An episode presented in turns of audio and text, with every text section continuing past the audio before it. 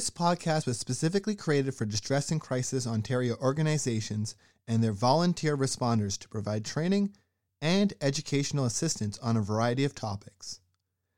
As information evolves and changes, these podcasts are meant to offer ongoing support with the goal of updating them on an ongoing basis. We thank the volunteer responders and the contributors to this podcast. Please visit our website, dcontario.org, for more information and how to access free mental health services. Thank you.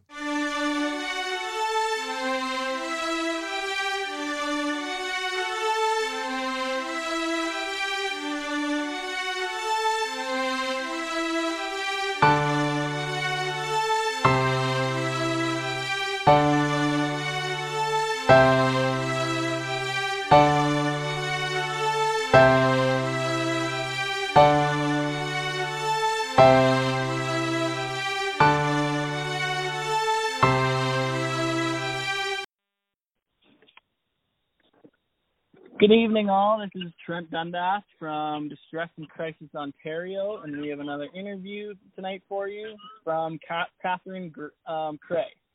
She is a student um, at the University of Guelph and is willing to give a perspective kind of on how COVID has affected her mental health and her perspective on how it's affected everyone's mental health going on right now. So, Catherine, how are you? Hi, thank you so much for having me. So, um, tell me a little bit about yourself. Yeah, so my name's Catherine. I just finished up my fourth year at the University of Guelph. I'm there studying applied science, and I'm going back in the fall for one more semester. Great. So, how has COVID 19 been treating you with your overall mental health? I'm sure it's affected everyone a little bit, but can you give us personally how you've been dealing with it? Yeah, of course. Um, well, it's been a lot. there have been a lot of changes, a lot of new situations I never would have thought I was going to be in due to it. Um, I found that it happening towards the last little bit of school during final projects, final exams, like that was definitely a lot to try to get through and there were so many changes happening at once that it was really really hard to try to focus on finishing up the school year. So like I found that really difficult to try to cope with. So, what kind of things did the school change or try and give you guys to deal with the tougher times on social distancing? Um, yeah, so everything was moved online, which was a bit of a shock for me because I've never taken any online courses. So it was kind of a whole new layout, trying to teach myself lectures and stuff. But personally, all of my profs were really great. They were really um, understanding of the situation and kind of that not everyone has the resources to kind of deal with this really well. Um, so I found that really helpful that my profs were kind of in the same boat with us. Like we were all trying to learn that this was all new together and try to get a handle on it together. So I found that really helpful.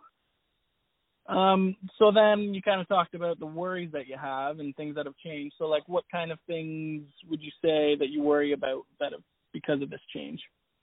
Yeah, so back to school, like um for our final projects, like a lot of them got canceled, a lot of final exams got canceled, and that kind of sucks because I was relying on a few of my final exams to kind of boost my grade.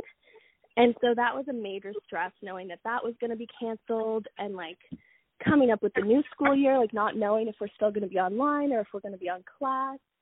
Um, that's a lot to deal with too, trying to figure out what the new system's going to look like. Um, so one big topic that's been going around recently is since students are now home for the summer, um, is finding work. So how has finding work for yourself in the summer been going? Yeah, absolutely. So that was another huge change. I had a job lined up in Toronto that I was really excited about. And yeah, last minute they kind of pulled out. They were like, "Sorry, we can't take any new employees." So I was kind of in a tough situation and I was like, "Oh, what am I going to do for the summer?" Like and then all my friends around me started losing their opportunities. Um some of my friends had jobs lined up in other countries, other provinces. And yeah, last minute they all kind of got changed up, but I mean at the end of the day, um we're all working through it. We're all trying to find new things to keep us busy because not everyone's able to find employment this summer. So then the next kind of question mark I'm sure students are having is financially. So how do you provide for yourself? How do you save money for the next year? Um, do you have any strategies or anything you're doing right now to try and help with that? Yeah, so that's definitely a huge stressor. Um, I'm still paying rent all summer, so when this all started happening and I found out I wasn't going to have my job, I was kind of like, oh my god, how am I going to pay for rent? How am I going to pay for groceries? Um, so me personally, I looked into the government funding, and it was all kind of a lot to take in at first because honestly, I've never really done anything through the government or that has really big tax things around them. Like I just was really like unsure of what I was doing. Yep. So I found that really overwhelming at first, but um me and my friends we all navigated the CERB together. And I found the website actually really confusing, so I ended up calling their phone number. And it was really simple. It was like four questions, you enter your SIN number, answer a few questions, and then you're good to go. And so luckily I was eligible for that and that really helped me out a lot. No, that's very important to that the government at least recognizing that students are going through this and not just students, there's anyone who's have a loss of job or looking for a job, that there's government support to help them do that. Yeah, and, and on top of that one, they also just came out with I think just a student um program that you can go through so you can get some funding through the government, like for being a student if you're not eligible for the CERB. So I know a lot of my friends went through that side of it. So since COVID started, what other changes has this done to your mental health? And any new spikes that you've seen go on between you, your friends that you know who have been going through? Just can you talk about any changes that have gone on? Yeah, of course. So, um, first and foremost, like I know a lot of my friends weren't kind of mentally or emotionally ready to move back in with their parents.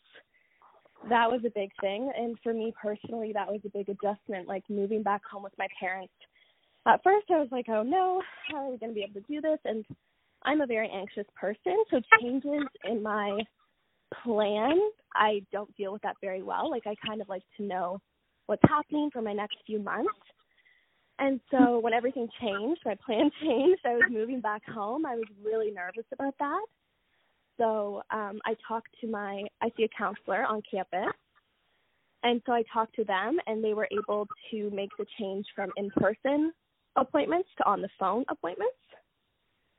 And at first, I was kind of nervous about that because I've never done phone interviews or anything like that, but it's worked out really well. And so I found that's one thing that's really helped me out through this. No, that's awesome that they were willing to change that and cope with the changes that have gone on to still give everyone that support. Which Yeah. is kind of exactly what the organization of DCO does and gives that online um, resource to people and it's glad that other people have also seen that change. So if you were going through distress or crisis, where is a resource that you would go to to try and help cope with that or find out resources um, that are available? hmm Um, so I'm really fortunate that um, just in my own house, I'm really close with my parents. So it's really nice to have a support system there at home. And I know not everyone has that. So having friends too, like a close support system, that I feel like is a really good base layer. Just knowing that this is all really new stuff for everyone. So everyone is kind of going through these thoughts and these fears about what's happening and what's going to happen next. So like talking with people in my immediate group has been really helpful. And then on top of that i've been kind of looking up different resources online. You can look up there's so many websites like betterhelp. I know your company. Um, there are a lot of online resources that are really helpful that i found So, are there any other worries that um, kind of are hitting you that you think other students or anyone going through right now might be also going through? Yeah, I think the general just uncertainty of everything of how long this is going to last, you know, how long is it going to be until I can see my friends, until I can see my partner. Um, again, going back to if school's going to open up again in September, when am I going to be able to work again? I feel like these are all really valid fears that a lot of people are having right now. And it's they're pretty big fears for young people, for students to be going through. And I think it's completely normal that people are feeling elevated anxiety and just worried about the future. No, absolutely. I'm sure that's a very common theme. Uh, so, do you have any last things to say that you'd like to tell our listeners? Um, I would just like to tell everyone to try their best to stay strong. Um, if you are feeling yourself more nervous than usual or having trouble sleeping or anything out of the like the ordinary for you, I think now is a really important time to reach out for help, even if it's your first time talking to a counselor or even a friend about your feelings. I think now is a perfect time to reach out because this is all so new for everyone and it is it is a really scary time. It's uncertain. No one's really sure what's going on and so I think there's no shame in reaching out for help and I think it's really important to do so. Well, that's great. Thank you very much, Catherine, for taking the time to speak with us. Of course, thank you. No problem. Have a great night. You too. Hi, I'm Damien, one of the editors of the DCO Learning Forums podcast. Over the past year, we've been busy converting our Learning Forums series of videos into podcasts and thinking of new ways to continue delivering new and more in depth content. We've seen the demand, and we're announcing our move to Pinecast and our new tip jar function. Please consider going to tips.pinecast.com slash jar slash distress and crisis Ontario and donating and in return, we'll be recording new follow up episodes on some of our most popular topics. These will be accessible for tippers only and will help pay for travel, web hosting, etc. For the interim, you'll still be able to access existing content on both on both the Pinecast and Fireside feeds for free, but eventually we'll be making the switch to Pinecast. Thank you for your understanding.